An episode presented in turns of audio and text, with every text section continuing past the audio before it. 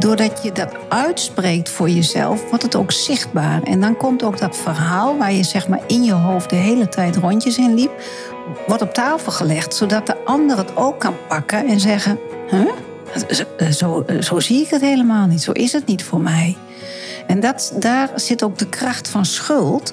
Omdat we ons schuldig voelen, trekken we ons terug en zeggen we het maar niet.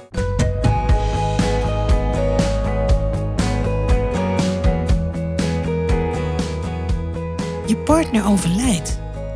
Hoe ga jij verder in je eentje? In mijn podcast Widow Talk interview ik weduwen en weduwnaars. We praten over alle facetten van ons verlies, de effecten daarvan en hoe we het leven weer op kunnen, nee, moeten pakken. Ook spreken we met bedrijven en andere experts die nabestaanden helpen hun leven weer op orde te krijgen. Met Widow Talk lever ik support voor jou na het verlies van je partner. Welkom, fijn dat je luistert.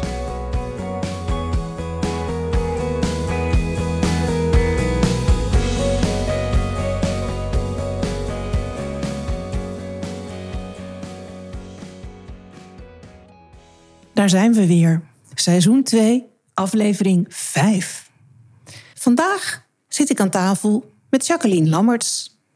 Jacqueline is al eerder mijn gast geweest in de podcast Widow Talk. Dat was seizoen 2, aflevering 1. En dat ging eigenlijk zo lekker dat we zeiden: we doen het nog een keer. Voor de luisteraar die die aflevering niet gehoord heeft, Jacqueline is mijn coach. Zij heeft een bedrijf dat heet Living Your Truth in Harmony with Others. Nou, dat is toch iets wat we allemaal nastreven. Weduwe, weduwnaar of niet. Dat wil eigenlijk iedereen. Jacqueline helpt ook iedereen die daar behoefte aan heeft en daar open voor staat. En ik ben daar terechtgekomen eigenlijk aan het eind van mijn huwelijk, vlak voor Philip doodging. En ons eerste gesprek is geweest toen Philip was overleden. En dat beviel. Ik vind het een heel leuk mens, dus ik wil graag wat meer van haar met jullie delen. En wij gaan het vandaag hebben over schuld. Wat is schuld? Wat moeten we ermee? Waarom is het er? Is het belangrijk? Leren we er wat van? Um, ik denk dat we allemaal wel schuldgevoelens hebben, sowieso in het leven, maar ook wellicht na het overlijden van onze partner, dat er allemaal dingen boven komen van should have, would have, could have, of boos zijn op het feit dat hij of zij er niet meer is, je daar weer schuldig over voelen. Nou, ieder heeft zijn eigen definitie van schuld en daarover gaan we verder met Jacqueline in gesprek. Zeg ik het een beetje goed, Jacqueline? Fantastisch. ik hoef niks meer te zeggen. Jawel, want nu houdt het bij mij op. ik kan wel over al mijn eigen schuldgevoelens gaan praten. Maar ik dat zal vast nog aan bod komen. Ja, dat denk ik ook. Dat is, eh, wat dat betreft ben ik nooit te stoppen. Maar jij kan daar een wat betere uitleg en onderbouwing bij geven. Dat eh, hoop ik dan. daar gaan we vanuit. Daar gaan we vanuit. Nou, um, we waren de vorige keer zo mooi aan het praten. En toen kwam eigenlijk ook al schuld even naar boven. En toen hadden we ook nu zoiets wat mooi om dat nu uh, alle aandacht te geven. Ja. En net wat jij ook zegt, wij mensen zitten eigenlijk allemaal vol met het idee dat we schuldig zijn aan iets of wat dan ook. Maakt niet uit. Hè?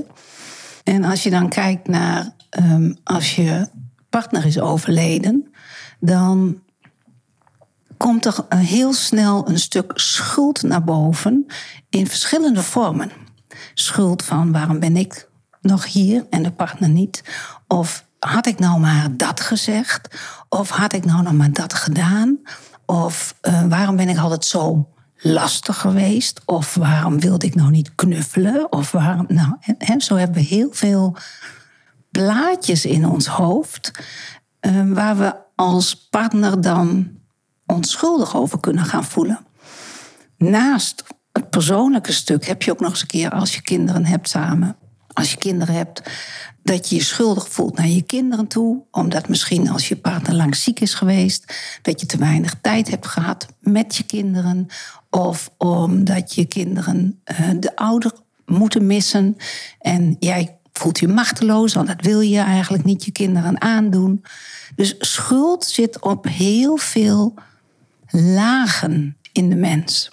En uh, nogmaals, niet alleen bij mensen die overlijden. Ja. En bij mij in de praktijk komt het natuurlijk ook vaak voor dat mensen in het schuld vastzitten. En wat schuld voor een functie heeft, is met name dat je vast blijft zitten in dat hoofd. Dat hoofd wat maar beelden maakt, plaatjes maakt, hoe het had moeten zijn, hoe het niet was geweest, enzovoort, enzovoort. Waardoor je in een rondje blijft lopen van steeds jezelf schuldig aanpraten. En als jij het niet doet, dan doet de buitenwereld het wel. had je nou maar dit of had je nou maar zus. En dat schuld maakt één ding dat je in je hoofd blijft zitten en niet naar je gevoel teruggaat. Dat is niet de bedoeling natuurlijk. En dat is niet de bedoeling. Want je partner zit in jouw hart en niet in jouw hoofd, als het goed is. Ja? En wat doet schuld? Die trekt jou uit jouw gevoel naar je hoofd, weg bij je hart. En je hart wenst te helen van dat wat je hebt gedeeld met je partner. En als jij de hele tijd je laat zeg maar afleiden door dat hoofd in schuldgevoelens, onder andere, we hebben natuurlijk meerdere tools vanuit het hoofd om afgeleid te worden in die buitenwereld en niet te hoeven voelen wat daar nog zit. Maar dat je dus dan weggaat bij de diepere boodschap die daar nog in zit. En dat is het verdriet. En dat is de boosheid. En dat is je machteloosheid. En dat is je eenzaamheid. Of het niet meer weten hoe je het zelf moet rondbreien zonder je partner. En al die lagen die daaronder zitten, die blijven dan zeg maar in de diepte aanwezig, maar kunnen niet helen. Kunnen niet aan het licht komen. Want jij zit in je hoofd in schuld rondjes te draaien, te draaien, te draaien. En op het moment dat je ziet, ik zit weer een rondje te draaien in schuld, ik geloof dat hoofd dat ik schuldig ben of dat ik het anders had moeten doen. En had ik dit nou maar gezegd. En ik heb niet gezegd dat ik van hem hield. En ik heb niet gezegd dat het me spijt enzovoort. Als je daar doorheen zakt, kom je dus bij dat verdriet uit. En dat verdriet nodigt jou uit om maar één ding. En dat is dat jij gaat helen. En uiteindelijk daaronder in een vergevingsstaat komt. Dat je jezelf met name jezelf en de ander vergeeft. Voor dat wat er wel of wat er niet was. Snap je? Ja. Dus het zijn verschillende lagen. Dus het, het schuld zorgt ervoor dat je in je hoofd blijft zitten en dat je niet in die diepere lagen dat gaat helen, weer heel maakt, één maakt in jezelf. Ja, de schuld belemmert je eigenlijk in je heling, hè, zeg je? Absoluut. Ja. En toch schieten we allemaal in die schuldgevoelens. Ja. Daar valt bijna niet aan te ontkomen. Ja. Dus als ik dat dan even vertaal, dan zeg jij: schuld belemmert ons, maar we ontkomen er niet aan. Dus het is belangrijk dat we relatief snel doorzien dat het schuldgevoelens zijn. Precies. Maar hoe kom je dan door die schuldgevoelens heen? Hoe prik je daar doorheen? Want het, ja, het voelt heel legitiem. Mm Had ik hem nog maar die laatste knuffel gegeven? Waarom heb ik toen dit gezegd? Eh, kinderen die schuldgevoelens hebben van... ik ben niet meer naar het ziekenhuis gegaan... omdat ik niet wist dat hij dood zou gaan. En hij is toch dood gegaan in mijn situatie. Ja. En dan kan je honderd keer uitleggen, ja, het was COVID en je moest in je eentje naar binnen en dat vonden jullie eng. En uh, niemand had ons ooit verteld dat het zo levensbedreigend was. Maar ja, dat is toch een gevoel waar zo'n kind dan verder mee moet leven. Ja. En waar je als ouder ook weer mee moet dealen. Want die kinderen geven dat weer een draai. Ja, maar van mama mochten we niet. Nee, nee, dat was niet zo. Maar goed, je moet je schuld kanaliseren. Precies. Dat, Ja. nou, dat heb je al goed gezien. Dat de kinderen er dus niet de schuld bij zichzelf op dat moment neerleggen, maar dus dat niet willen voelen. Hè, dat zij een besluit hebben genomen. En daar dien je verantwoordelijkheid voor te nemen. Maar als je dat dus moeilijk vindt, dan schiet je dus weer in dat hoofd. Je gaat niet voelen van hé, hey, maar ik heb dat zelf gedaan. Nee, dan ga je naar je hoofd en dan gaan we de ander de schuld in de schoenen schuiven. Ja. En als je daar gevoelig voor bent, en welke moeder of vader is daar niet gevoelig voor met kinderen, dan neem je dat pakketje van kind aan. En dan heb je nou ja, niet alleen het eigen pakketje schuld, eh, maar dan heb je ook nog eens van het kind, draag je bij je. Ja. En dat is wat jij dan ook zegt, hè? dat je dus voelt van ja, ik voel me hier schuldig over, daar schuldig over. En de vraag is, wat je zegt, hoe kom ik dan weer vanuit die schuld? Ja, hoe laat ik die schuld achter me? Dat is denk ik waar we allemaal tegenaan lopen dan. Want je kan erin blijven hangen. Hè? Je kan daardoor weken op de bank zitten janken... de ene Netflix-serie naar de andere kijken... om het even weg te duwen. En zodra je de tv uitzet, poing, ja, is het er weer. Is het er weer. Ja. ja. ja. Schuld heeft te maken met dat je in je hoofd rondjes draait, zoals ik net zei.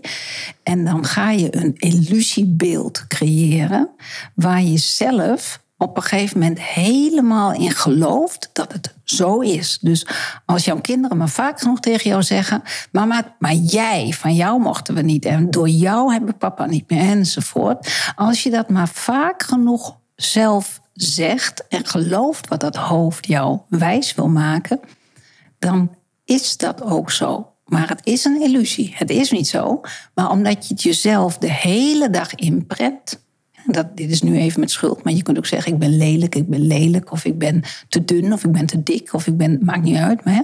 maar als je elke keer die mantra blijft zeggen tegen jezelf, dan um, wordt het jouw waarheid. Maar uiteindelijk zit je vast in de illusie. Met andere woorden, de enige manier om eruit te komen is bewust worden. Hey, die grammofoonplaat zet ik weer op. Hey, dit zeg ik nou de hele tijd. Ik heb het tegen Pietje gezegd. Ik heb het tegen Truus gezegd. Ik hoor mijzelf de hele dag overal hetzelfde grammofoonplaatje draaien.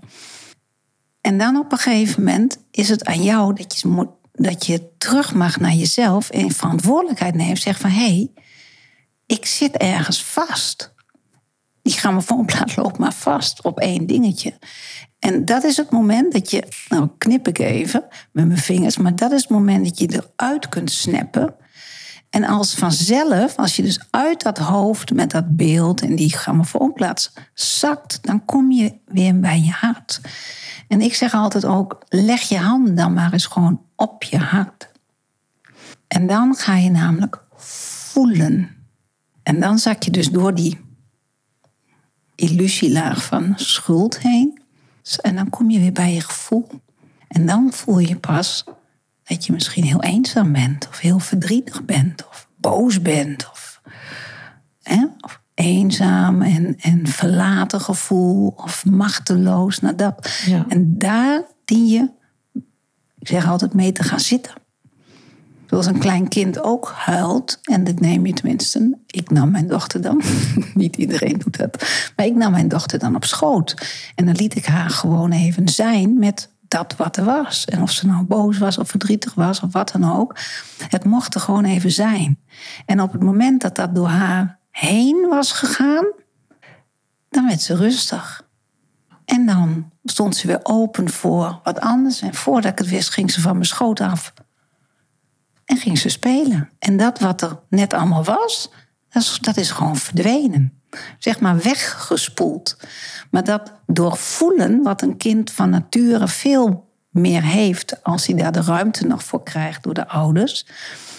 Dat vermogen hebben wij mensen, volwassenen over het algemeen, afgeleerd misschien, maar Ja. ook nooit aangeleerd gekregen. En hè, van, daar praten we niet over en alles onder het kapet eh, schuiven. Eh, waardoor je niet weet, hoe kom ik nou weer bij dat gevoel? En dat je met je bewustzijn aanwezig bent. Net zoals ik als moeder dan aanwezig was bij Vee, bij mijn dochter. Dat ik alleen maar aanwezig ben. Kun jij aanwezig zijn bij dat diepe gevoel wat onder die schuld zit? Dat je je partner gewoon mist. Of dat bijvoorbeeld met je kinderen. Dat ze papa dus niet meer hebben gezien in het leven. En afscheid hebben kunnen nemen toen het nog kon. Dat verdriet echt gewoon voelen en erkennen. Alles in het leven, ook schuldgevoelens en alles wat daaronder zit aan gevoel, dat wil erkend worden. Ja. Jij wil erkend worden als jij hier binnenkomt. En bij de deur, dan zeg ik ook hi en dan knuffelen we elkaar en dan is het eh, welkom. En weet je, je zou het ook niet fijn vinden als de deur op de kier staat en ik stond eh, ergens anders. En je denkt, ja, ben ik nou welkom of niet? Ja. Maar zo heb je ook met gevoel, dat wil er mogen zijn van jou. Dus schuldgevoel ook. Want er zit ook een boodschap achter. Ja. Ja, en daarmee kom je weer bij je hart. Als Juist. je die boodschap kan doorgronden. Juist. Ja. En, en ik weet dat het hier zo aan de tafel heel makkelijk te zeggen is. Ja. Ik weet natuurlijk zelf ook, en jij ook, dat Ja. dat vraagt wat om daarmee te gaan zitten. Absoluut. Weet ja. je, als je een kind hebt wat verdrietig is, een fysiek kind, dan zet je het op schoot en dan zie je dat. Maar jouw verdriet, jouw boosheid, jouw machteloosheid, jouw eenzaamheid, dat voel je wel van binnen, maar dat maskeren we dan met druk zijn aan de buitenkant en voor iedereen zorgen en, en will to please en alles. Inzettend om dat schuldgevoel maar niet op te wekken. Want onder dat schuldgevoel zit dan weer die pijn. Ja, dus eigenlijk is dat schuldgevoel makkelijker om mee te dealen dan de echte pijn die in je hart zit. Precies. Dus het is ook een soort zelfbescherming. Hoewel, Sabotage noem ik het. ja, zo, zo kan je er ook naar kijken. Ja, ja, ja. Hoewel dat schuldgevoel natuurlijk ook helemaal niet prettig is. Absoluut niet. Weet je, je kunt beter een moment hebben dat je dat echte verdriet voelt. Want dan is het door jou heen gevoeld en kan het zich bevrijden, zal ik maar zeggen. Schuldgevoel, als je dat dus niet doet, blijft dat schuldgevoel als een soort niet passende deksel erbovenop liggen. En daar kun je dus heel oud mee worden. Ja, dat is zo'n donkere deken die je niet van je afgeschud Juist. krijgt. Ja, Omdat het daaronder niet geheeld wordt. ja. ja. Daar kun je ook ziek van worden. Hè? Er zijn ook mensen die gewoon echt ziek worden, omdat ze dus wat onder die deken zit aan emoties, maar niet eh, door het lijf heen naar buiten werken. ja, En dan kun je echt letterlijk ziek worden. ja. Ja, dat gun ik niemand. Nee, nee, maar dat, dat, dat snap ik. In het geval van mijn kinderen werd mij dit dus verteld. Hè, van ja, wij mochten van jou niet naar papa, want jij wilde. En de vrienden van papa wilden. En bepaalde familie, dus wij konden niet. Toen dacht ik, hè? Zo zat het toch helemaal niet? Dus toen zei ik, nou, kom even zitten. Dat is niet helemaal juist hoe je het in je, in je hoofd hebt. Ik zeg, ik heb verschillende keren gevraagd: willen jullie op bezoek bij papa? Er mogen maar twee mensen op bezoek. één persoon in de ochtend en één persoon in de middag. En er werd geen uitzondering gemaakt voor kinderen. Dus als een kind wilde, moest dat kind in zijn eentje. Mocht ook niet even meelopen naar binnen, wat ik onbegrijpelijk vond. Maar je mocht niet met het kind even naar binnen om dat binnen te zetten en dan weg te glippen. Nee, één persoon, volwassen of kind, maakt er niet uit. Ik zeg, dus daar hebben we het verschillende keren over gehad. Dat ik zei, zeg wanneer jullie willen, want dan zorg ik dat die tijd voor jullie vrij blijft. Maar dat vonden jullie eng. Want dan moest je in, het, in je eentje naar het ziekenhuis met, met al die andere toestanden rondom corona. In je eentje bij papa zitten, die daar eh, toch niet helemaal happy natuurlijk eh, op dat kamertje lag. Oh ja, oh ja, oh ja. Zeg maar, daar hoef je je niet schuldig over te voelen. Dat is makkelijk gezegd natuurlijk. Daar hoef je je niet schuldig over te voelen. Want zo werkt dat niet. Schuld is geen ratio. Nee. Tenminste, lijkt me niet. Ik zei, jullie wisten niet wat er ging gebeuren. Ik wist niet wat er ging gebeuren. De avond voor papa geopereerd werd, is ons niet verteld... er is een kans van zoveel procent dat. Er werd wel gevraagd, wat moeten we doen als het tegenvalt? Hè, tot hoe ver gaan we? Maar dat was een routinevraag, werd ons ook verteld. En het was natuurlijk wel een open hartoperatie. Maar nooit is er gesproken over meneer loopt de kans dat hij er niet levend uitkomt. Dus ja, en we hebben gefacetimed en gedaan. Dus dat hebben we wel gedaan met z'n allen. Dus laat dat gevoel door je heen gaan en laat het weer uit je vloeien. Want je kan er niks mee. Het maakt je alleen maar verdrietig. Juist. Nou ja, of dat overkomt, geen idee. Ik heb het in ieder geval gezegd. Dus ik voelde me even een hele goede moeder. En, Ben je en, ook. ehm, ja, we doen ons best. En verder kan je alleen maar hopen dat dat ergens, dat er een zaadje geplant is en dat dat op een gegeven moment eh, aanslaat. Ja. Nou ja, weet je, ehm, het heeft ook met de familie te maken en de ouder. Hè, jij bent dan de ouder hier die, ehm, die leeft samen met de kinderen. En jij bent dan ook een voorbeeld als ouder. En hoe ga je dan om met schuldgevoel? Of hè, we hebben het nu over schuldgevoel, maar sowieso met een rouwproces. Hoe ga jij dat dan doen, mama? Dus als jij rondjes loopt in het schuldgevoel, of je loopt maar weg voor je gevoel, dan laat je de kinderen eigenlijk ook zien, hè, want we kunnen het zeggen, maar 7% wordt echt opgenomen hè, qua woorden. En het andere is veel meer in wat jij laat zien. Ja. Ja? Dus ehm, als jij wegloopt voor jezelf, voor de gevoelens enzovoort, dus wat onder die laag van schuld zit, dat is wat jij naar buiten resoneert. En dat komt ook weer terug bij het kind. En dan zie je dus ook dat het kind jou ook weer spiegelt van... ja, zo doe jij dat ook, mama. Dus ik verdwijn ook in die buitenwereld of wat dan ook. Waar het om gaat, is dat jij als ouder dus een voorbeeld bent voor uh, je kind. En als jij uh, moeite hebt met schuldgevoelens om te zetten hè, in dat doorvoelen van het verdriet wat daaronder zit en je machteloosheid, als jij dat zelf niet voorleeft hoe je dat kunt doen, en dat begrijp ik, want de meeste mensen zijn niet opgevoed om daar op die manier mee om te gaan, zoals ik bijvoorbeeld met mijn dochter dat wel heb kunnen doen. Dan zie je dat terug in je kind. En je kind spiegelt jou dus het gedrag naar jou weer terug wat jij zelf dus weer doet. Dus dan word je zeg maar een spiegel voor elkaar. Ja. ja? En um, dus je hoeft eigenlijk alleen maar naar je kinderen te kijken van hoe gaat het eigenlijk met mijn eigen proces. Oké. Okay. Ja. Nou, dat is veelbelovend. Mijn kinderen zijn zo perfect. ja. Herken je er iets in? Ja, ja, ik heb er nog nooit op die manier naar gekeken, maar ik, ik denk het wel. Ja. Wat bij mij nu boven komt, en dat is niet precies wat jij zegt, maar het komt wel nu naar boven, dus ik deel het gewoon. Ik heb mijn schuldgevoelens gehad dat ik dacht van ja, als Filip was blijven leven, die wist tenminste hoe de techniek in het huis werkte, die kon helpen met de computers, die kon helpen met dit en met dat. Waar ben ik eigenlijk goed voor? Het was voor de kinderen handiger geweest als Philip was blijven leven dan ik. Nou, dat is geen leuke gedachte. Volgens mij ben ik niet de enige overlevende ouder die dat denkt. Maar goed, dat was mijn waarheid. Niet dat ik daar iedere dag mee liep, maar dat kwam bij vlagen op. En het kwam vooral op als de kinderen een beetje opspeelden naar mij. En we waren op vakantie van de zomer. En ik vond de kinderen gewoon irritant naar mij toe.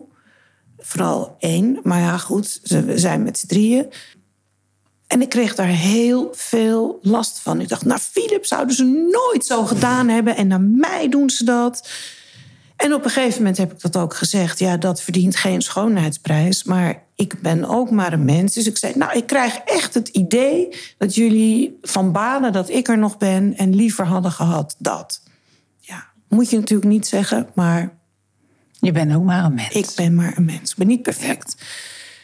En ehm, toen ben ik maar een partijtje gaan zitten huilen op mijn kamer. Ja, hè, in het kader van ik ben volwassen en ik loop gewoon weg uit de discussie. En op een gegeven moment kwam een van mijn kinderen binnen en die zegt: Mama, wat je zegt is niet waar. Dat willen wij helemaal niet. We hadden natuurlijk het liefst gehad dat jullie er allebei nog waren.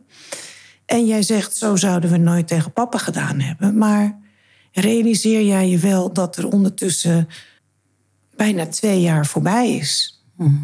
En dat wij ook ouder geworden zijn. En ook een eigen mening hebben. En anders discussiëren. Dus dingen waar jij nu tegenaan loopt, die zeggen niks over hoe wij over jou denken. Of over hoe wij over papa denken. Maar dat is gewoon een normale ontwikkeling, kijkend naar onze leeftijd. Dacht ik, oh ja. Wat mooi gezegd. Ja, ja, ja. Want dat is dus dat het plaatje wat jij dan in stand hield, waar zij eigenlijk de bodem onderuit trok. Hè? Ja, ja. 19, 19 Prachtig. jaar. Wijze, Ja. wijze kinderen. Ja, dat was een van mijn zonen. Ja. En eh, toen dacht ik, goh, had ik zelf ook kunnen bedenken. Maar ja, dan zit je vast in dat schuldgevoel. En dan denk je verder niet. Nee. Dan word je geleid. Ja. En daarna heeft het zich eigenlijk niet heel vaak meer voorgedaan. Mooi. Ook. Soms wil die nog wel eens binnenkomen. En dan denk je, ja, rot op. Je hebt Goed hier zo. niks te zoeken. Zo, move, swipe. Ja. Weet je, dat, ehm, dat je erachter komt dat je, dat jij jezelf kunt veranderen daarin. Dat je zegt, dat wil ik nu niet meer. Het is nu klaar. En, maar het is wel heel goed dat het toen uitgesproken is. Ja. Dat het eruit moest. Dat, het zit in ons, maar we durven het maar niet te zeggen. En dat schuldgevoel, dat vreet maar aan de binnenkant ons helemaal eh, leeg. Maar doordat je het gewoon is uit... en ook al zat er een stuk slachtoffer bij... woe, hè, de woe-me-energie. Maar ehm, hè, dat zijn trouw- trouwens twee die vaak samen gaan. Slachtoffer en schuldgevoelens en zo. Ehm, twee vriendjes, eh, samen twee vriendjes. Maar... ehm, doordat je dat uitspreekt voor jezelf, wordt het ook zichtbaar. En dan komt ook dat verhaal waar je zeg maar in je hoofd de hele tijd rondjes in liep, wordt op tafel gelegd, zodat de ander het ook kan pakken en zeggen: huh? Zo, zo, zo zie ik het helemaal niet. Zo is het niet voor mij. En dat, daar zit ook de kracht van schuld. Omdat we ons schuldig voelen, trekken we ons terug en zeggen we het maar niet. Ja. En houden we het ons voor ons. En daarmee zit je dus vast in je hoofd. Maar als je het uit, dan komt het er dus uit. En dan wordt het aan het licht gebracht voor jezelf. En de ander kan daar zijn beeld over delen. Waardoor het hele beeld waar het op gestoeld was, het schuldgevoel, valt dan eigenlijk nou ja, onderuit. Ja. Ja, nou, dat is wat ik, wat ik ook ervaarde. En heel af en toe heb ik het nog wel eens met mijn andere zoon. Maar dan denk ik, ja, hij reageert zo op mij. Omdat hij bepaalde dingen elders niet kwijt kan. En dan ben ik eh, degene bij wie het kan, want ik ben mama. Ja, Ik hou toch wel van je. ja. Af en toe wordt het me een beetje moeilijk gemaakt. Maar ik hou er toch van. Dus Dat, is, Ja. dat, is, ehm, dat heeft natuurlijk met het rouw te maken van, hè, maar dat, dat is een kind eigen. Hè, om, om daar waar het veilig is, en dat is over het algemeen de mama of de papa, of de papa en mama. Maar dat is hetzelfde als in een relatie. Hè. Ik, werk ook heel veel met relaties, met partners samen. Daar waar het het veiligst is, daar zijn we het minst. Eh, best kringerig. de censuur is dan minder, zullen we zeggen. Weet je? Je moet er ergens je innerlijke heks nou, dat bedoel ik. Die heks moet er ergens uit. En, ehm, maar dat is natuurlijk volledig niet terecht. Maar omdat het veilig voelt. En als het met een kind is... Hè, je hebt wat oudere kinderen, maar over het algemeen een kind... die heeft die ouder nog nodig om daaraan te stoelen, zal ik maar zeggen, aan te voelen van hé, hey, ik mag ook mijn boosheid delen, ik mag ook verdrietig zijn, ik mag ook schreeuwen, ik mag ook whatever. Ehm, en dat dat oké is van, vanuit de moeder of de vader, die daar de veiligheid geeft. Maar ben je zelf volwassen, dan dien je die veiligheid en die geborgenheid ook in jezelf te gaan voelen. Snap je? Ja. en dat, dan heb je niet meer een vader of een moeder die jou ehm, zegt van nou, gooi alle shit er maar eventjes uit. Ik incasseer dat wel. Hè? Ehm, maar dan is het de bedoeling dat je dat zelf gaat doen. Ja. En dan krijg je dus ook te maken met, als je het zelf doet, dan vindt er ook heling plaats. En bij een klein kind, zoals bij Vee bijvoorbeeld, die, daar vindt heling plaats omdat dat nog kan met een moeder die dat dan transformeert, ja. verandert, ja. de veiligheid geeft. En, en, maar als je oudere kinderen hebt, ja, dat moeten ze toch zelf doen. En dat is dus waar jij als ouder dan een voorbeeld bent. Exact. snap je? En wat ik ook heel vaak zie, is dat de ouders het niet kunnen en dat het kind het op een gegeven moment wel aangaat. En dat het kind dan weer de spiegel voor de ouder is om het ook aan te gaan. Ja, dat is ook mooi natuurlijk. Snap je? Het is van, van beide kanten. Ja. En wat ik zelf, um, de vorige podcast heb ik gedeeld over uh, als voorbeeld. Hè, meerdere mensen mogen loslaten aan de dood. En uh, het voorbeeld was van mijn moeder. En ik weet nog heel goed het beeld. Mijn moeder is toen overleden in uh, oktober 92. En toen gingen we met kerst, ging ik met mijn zus en een paar vrienden gingen we naar de, de discotheek. En ik weet nog dat ik toen op een gegeven moment echt even plezier had. Dat ik weer genoot en dat ik danste en, en dat ik het echt heel fijn had en, en leuk en zo. Tot het moment dat het schuldballonnetje weer langskwam. En die zei van, ja, maar dat kan toch niet? Ja, maar, hè? dat is ook zo'n hoofdding. Ja. ja, maar, en dan komt er weer zo'n verhaal. Um, dat mag toch niet, want mama is nog maar net overleden... en dan kan je toch niet zomaar genieten en... Weet je, en dus ik, ik ging toen ook weer een beetje in mijn schulp van, oh ja, hoe, hoe gedraag je je dan als je dan hè, je moeder net hebt begraven? En dus dan, alsof schuld ook een stuk levensenergie, vreugde, uh, bij je weg wil halen. En dat heb ik toen op een gegeven moment gedeeld met mijn zus, die in dezelfde situatie zat als ik. En die herkende precies hetzelfde. En, maar doordat wij het konden delen met elkaar, konden we ook weer naar dat plaatje kijken van ja, maar mama zou maar één ding willen. Dat we plezier maken, dat we weer gaan leven. Ja. En dat is denk ik heel belangrijk om te zien dat je dat schuld je uitnodigt om naar buiten te treden. Om te zien van ik mag gewoon leven. Ik ben hier. En um, ik hoef me niet schuldig te voelen voor wat dan ook. Wat er is geweest, wat dan ook. Het maakt niet uit. Het is geweest. Ja. En ik mag nu door die lagen heen zakken en weer eens kijken of ik ergens ook weer voor mezelf toe kan staan om te gaan leven. Echt leven, weer genieten. Want dat kan, ook nadat iemand is overleden. Ja. En dan kan je dat stuk verdriet nog steeds bij je dragen, aandacht geven. Maar dat betekent niet dat je ook niet weer van andere dingen kan gaan genieten. Precies. Of misschien zelfs van iemand anders kan houden. 100 procent. je toch die ander nog mist. Precies. Het mag naast elkaar staan. En, en ik denk dat dat ook heel belangrijk is. Hè? Dat je voelt van, hé, hey, ik, ik heb weer liefde voor iemand anders. Ja, maar. En dan komt dat hoofd weer. Hè? En, en dan voel je je weer schuldig. En, maar die partner die overleden is, zou niks liever willen dat jij weer gelukkig bent.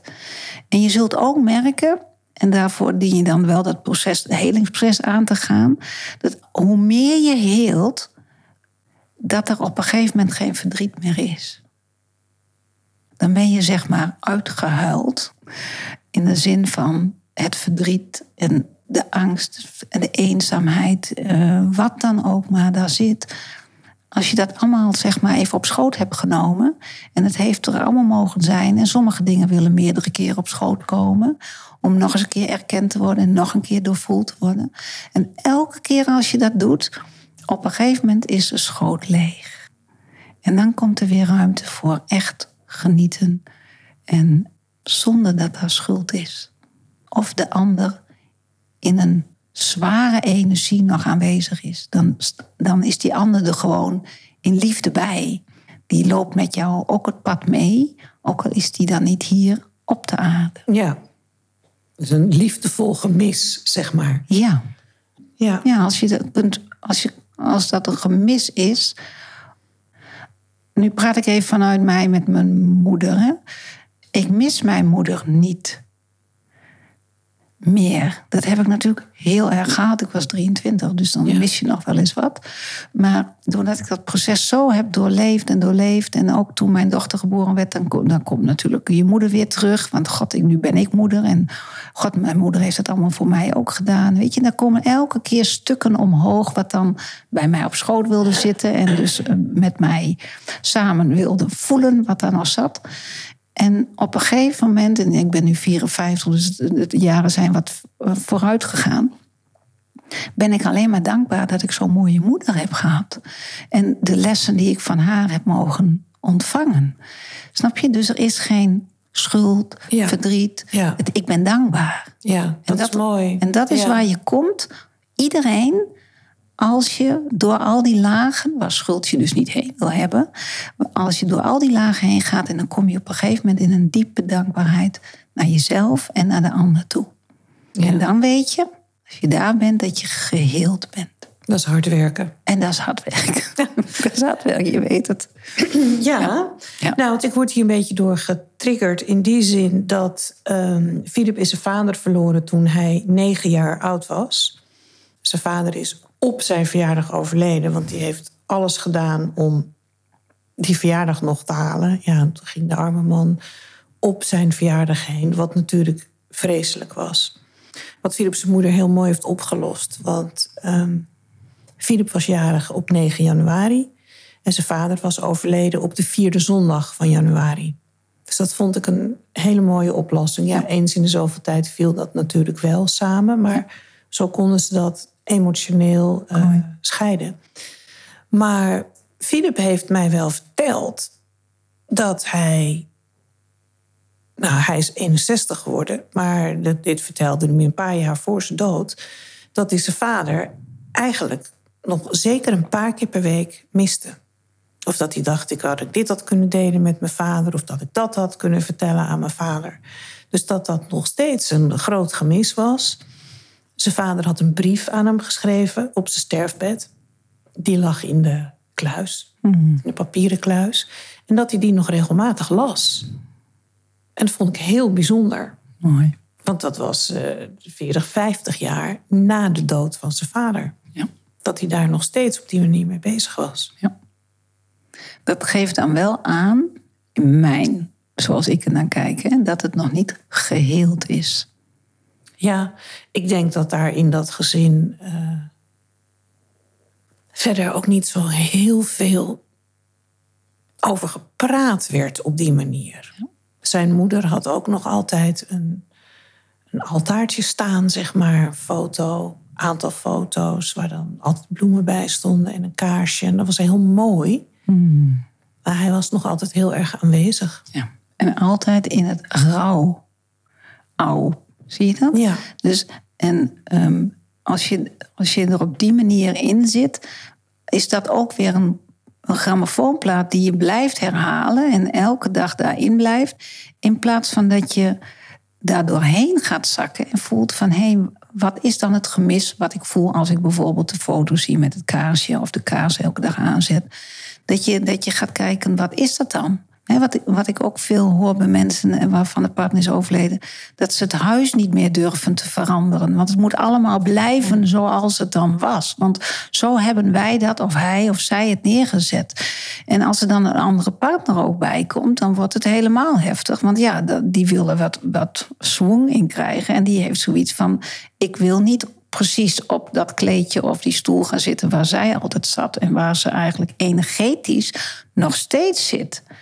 Het laat alleen maar zien dat de persoon die achterblijft, die nog leeft, dat die vasthoudt aan iets ouds en dat dus niet wil omzetten door, ik noem het altijd, hè, die shit om te zetten in voedingsstofjes en daaraan te groeien. Zodat je ziet, die persoon zit niet in die stoel of in die klok of in het huis of wat dan ook. Of in dat kaarsje of in die foto. Die zit in je hart. Ja, het is meer een associatie. Ja. Juist. En als je daar helemaal op gaat vast focussen, dan kan ik me voorstellen dat het moeilijk voor een nieuwe partner is. En als we dat er even bij halen Ja. als onderwerp, wat ook veel natuurlijk op een gegeven moment aan de orde is, dat vindt een nieuwe partner heel moeilijk. En dat voel je je bijna ook een indringer in het, Ja. in het beeld, wat daar nog vast wordt gehouden door de nog steeds eigenlijk rouwende partner. Ja, daar hebben we ook een aflevering over gemaakt in seizoen 1. Oké. Ja. Ja. Hoe het is om met een, eh, in dit geval een weduwnaar, een relatie te krijgen en te trouwen. Ja. Ja. En daar zal schuld dus ook vaak een, een, een reden zijn voor de persoon om haar vast te houden. En dus niet door die pijnen heen te gaan. Om de ander dus los te laten, energetisch meer. Zodat er ruimte komt echt voor de, voor de nieuwe partner. Ja. ja, alleen is die persoon zich er denk ik niet van bewust dat het schuld is. Nee, En daar zit de crux daar natuurlijk. zit het. hè? Ja. En dan is het echt aan de, de personen om de persoon heen. En dat zijn dus vaak kinderen of vrienden of een nieuwe relatie. Die hebben dan tussen haakjes de schone taak om daar toch iemand op te attenderen. En ehm, dat, dat is best wel heftig voor iemand om dat Exact. dan te moeten aanvaarden. is En- en dan- confronterend, Dat is heel confronterend. Ehm, het is vanuit liefde, maar het is niet altijd lief, zeg ik. Tough love. Niet precies. Ja. ja. En dan is het aan de persoon zelf of die het plaatje wat hij zelf nog in stand houdt, met het beeld, met de stoelen, met het huis, met whatever, ze het maar daarop projecteren, of hij dat durft, hij of zij, los te laten. En door de pijn heen te gaan, waar die tot nu toe nog in vast is blijven houden, letterlijk en figuurlijk, om er doorheen te gaan en zich weer te openen, ook echt te kunnen openen voor een nieuwe relatie ja. en het schuld los te laten. Dat jij een nieuw leven hebt en dat jij, Ja. nieuwe, dat jij de ruimte hebt om nieuwe ervaring op te doen. Je hart weer te openen, wat al spannend genoeg is. Want ook die partner kan overlijden of weggaan of Ja, ook. Je staat toch anders in het leven als je partner overleden is. Je ziet hoe kwetsbaar het leven is. En in de toekomst kijken wordt opeens heel anders. Het is toch meer van dag tot dag. Precies. En dat is precies waar we allemaal, alle mensen voor uit worden genodigd om niet meer in het verleden te leven. Ja, in het verleden zit schuld en had ik maar, ja maar en hoog het. En in de toekomst zit alleen maar angst. Hoog het, wat nu als, enzovoort. Ja? Het enige moment waar het leven echt is, dat Is is, nu? is nu, waar wij nu zitten. Nu. En nu. En nu. Snap je? En ehm, doordat je in je hoofd gaat zitten in die plaatjes, ben je niet aanwezig in het nu. Ja. En kun je ook niet voelen wat er eigenlijk nu is. Dat is mooi, want we worden altijd gedwongen om te kijken van naar hè, welke stappen willen, maken, willen we maken. Waar willen we over een week zijn, over een maand, over drie jaar. Wat is ons meerjarenplan? Ja. Eh, wat is je strategische doelstelling? Nou, noem maar op. Of je persoonlijke doelstelling. Ja. En die is bijna nooit korte termijn. Precies. Ja. En alles is gericht, dat is allemaal hoofddingen, hè? Ja. Ehm, en dat is allemaal gericht om je weg te halen in het nu, om te voelen hoe het nu is. Hè? En ehm, als het nu fijn is, dan is het nu fijn. En nu is het ook nog fijn. En nu is het ook weer fijn. En nu is het niet meer fijn, snap je? Ja. Dus, en dan maak je weer een nieuwe keuze als het niet meer fijn is. In plaats van we gaan ons vastleggen en ehm, ik moet daarheen. En dat is meer vanuit de flow leven. Dat je, dat je dus in contact, dus door dat heb je geleerd dan op een gegeven moment, hè, te gaan voelen. En dan wordt jouw gevoel, dus niet je emoties, hè, emoties is boos en verdrietig, en, dat, dat, dat is nogal een beetje een warboel. Ja. Eh, daar kun je niet echt op sturen, alleen door voelen. Maar op je gevoel, dat is een ander verhaal. Maar in je gevoel kun je dan voelen van... hé, hey, dit voelt nog goed of dit voelt niet meer goed. En dat kun je alleen maar voelen in het hier en nu. Ja. En niet in de toekomst of in het verleden. Dus schuldgevoel brengt, nodigt je uit om uiteindelijk weer terug te komen in het hier en nu. En te gaan voelen hoe het nu met jou is. Ja. Eigenlijk wel heel mooi zo. Ja, boeiend. Ja. Ja, Ik ben ook eigenlijk een beetje uitgevraagd. ja, ja fijn hè? Nou, dit is een hele mooie. Ja. Ja. Heb jij nog wat toe te voegen? Aan de luisteraar bedoel je? Ja. Ja. Ik weet eh, hoe schuld je vast kan houden in je hoofd. En eh, je eigenlijk klein maakt en ehm afstomt van het leven. En ik wens dat je de moed hebt om die grammofoonplaat stop te zetten. De naald omhoog te doen en hem niet meer laten draaien. En dat je durft te investeren in jezelf. Daar is moed voor nodig. En dat je hulp gaat zoeken om naar binnen te kunnen gaan in jezelf. En daar de pijn en het verdriet en de onmacht, dat je die echt gaat doorvoelen. Zodat het uiteindelijk schoon wordt in jou. En Ja. dat je echt in het nu weer kunt zeggen, ik leef. Ik ben dankbaar voor alle lessen die ik heb mogen doorvoelen. Mede door het overlijden van mijn partner. Het kan. Het enige is, daar zul jij wel iets voor moeten gaan doen. En je mag natuurlijk ook kiezen om erin te blijven. Want wie ben ik? Ja. Jacqueline Lammert zegt, nou ja, wie is Jacqueline Lammert? Precies, dat Ja. ben ik. Ja. ja. Dus je mag erin blijven, alleen blijf je er dan in hangen. Dan blijf je hangen. Ja. En dat mag van mij. Ja, En dan blijf je er last van hebben. juist. Maar dat is dan ook een keus, of dus geen bewuste keus. Althans, dat ervaar je niet als een bewuste keuze. Maar ja, die mensen zijn er natuurlijk wel, hè? Absoluut. En die mensen mogen, weet je, die zijn ook nog niet toe of bereid om naar zichzelf te gaan kijken en die grammofoonplaat stop te zetten. Ja. En eh, de cadeautjes, tussen haakjes cadeautjes, de pakjes die daaronder zitten uit te gaan pakken. Ja, Want daar worden we voor uitgenodigd. ja. Ja. ja. Mooi. Dankjewel, Jacqueline. Graag gedaan. Fijn dat we hier weer zo zitten samen. Vond ik ook. Vond ik ook. Ja. Mooi. Nou, luisteraar. Dit was ehm, de aflevering van de podcast Widow Talk over schuld. Schuldgevoel. Dat het ons belemmert om verder te groeien. Maar toch ook wel een functie heeft. Want het dwingt ons ook om naar die schuldvraag te kijken. En op het moment dat we dat gaan doen, kunnen we gaan verdiepen. En dan kunnen we ook kijken waar we nog in ons hart vastzitten. Dus op die manier heeft schuld wel degelijk een functie. Waar het ons eerst klem zet.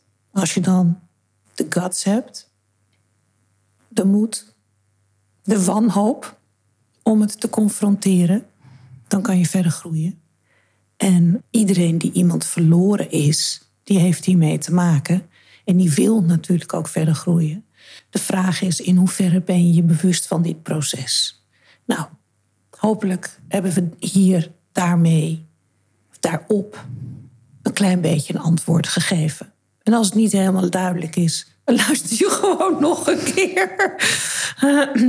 Misschien dat dat wel helpt. En zo niet, stuur een berichtje. Marianne widowsforwidows.com of ehm, kijk even in de show notes en laat een comment achter. Dan kunnen we altijd nog contact opnemen om te kijken hoe, het verder, hoe we dat verder uit zouden kunnen leggen. Nou ja, we, eh, Jacqueline dan in dit geval.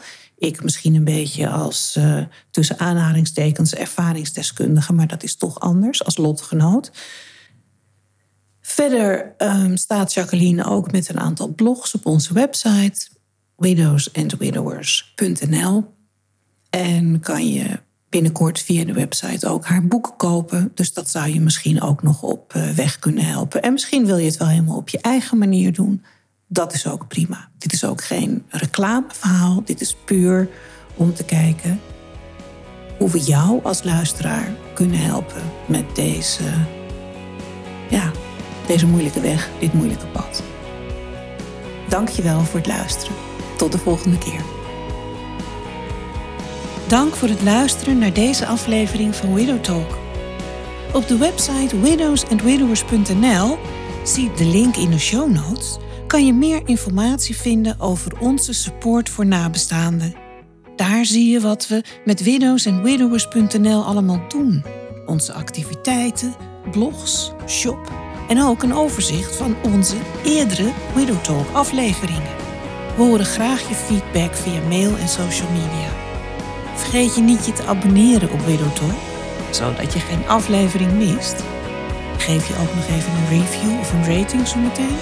We stellen het ook heel erg op prijs als je Widow Talk wil aanbevelen bij mensen waarvan jij denkt dat ze er behoefte aan kunnen hebben. Dank je wel. Stay tuned. Tot de volgende keer.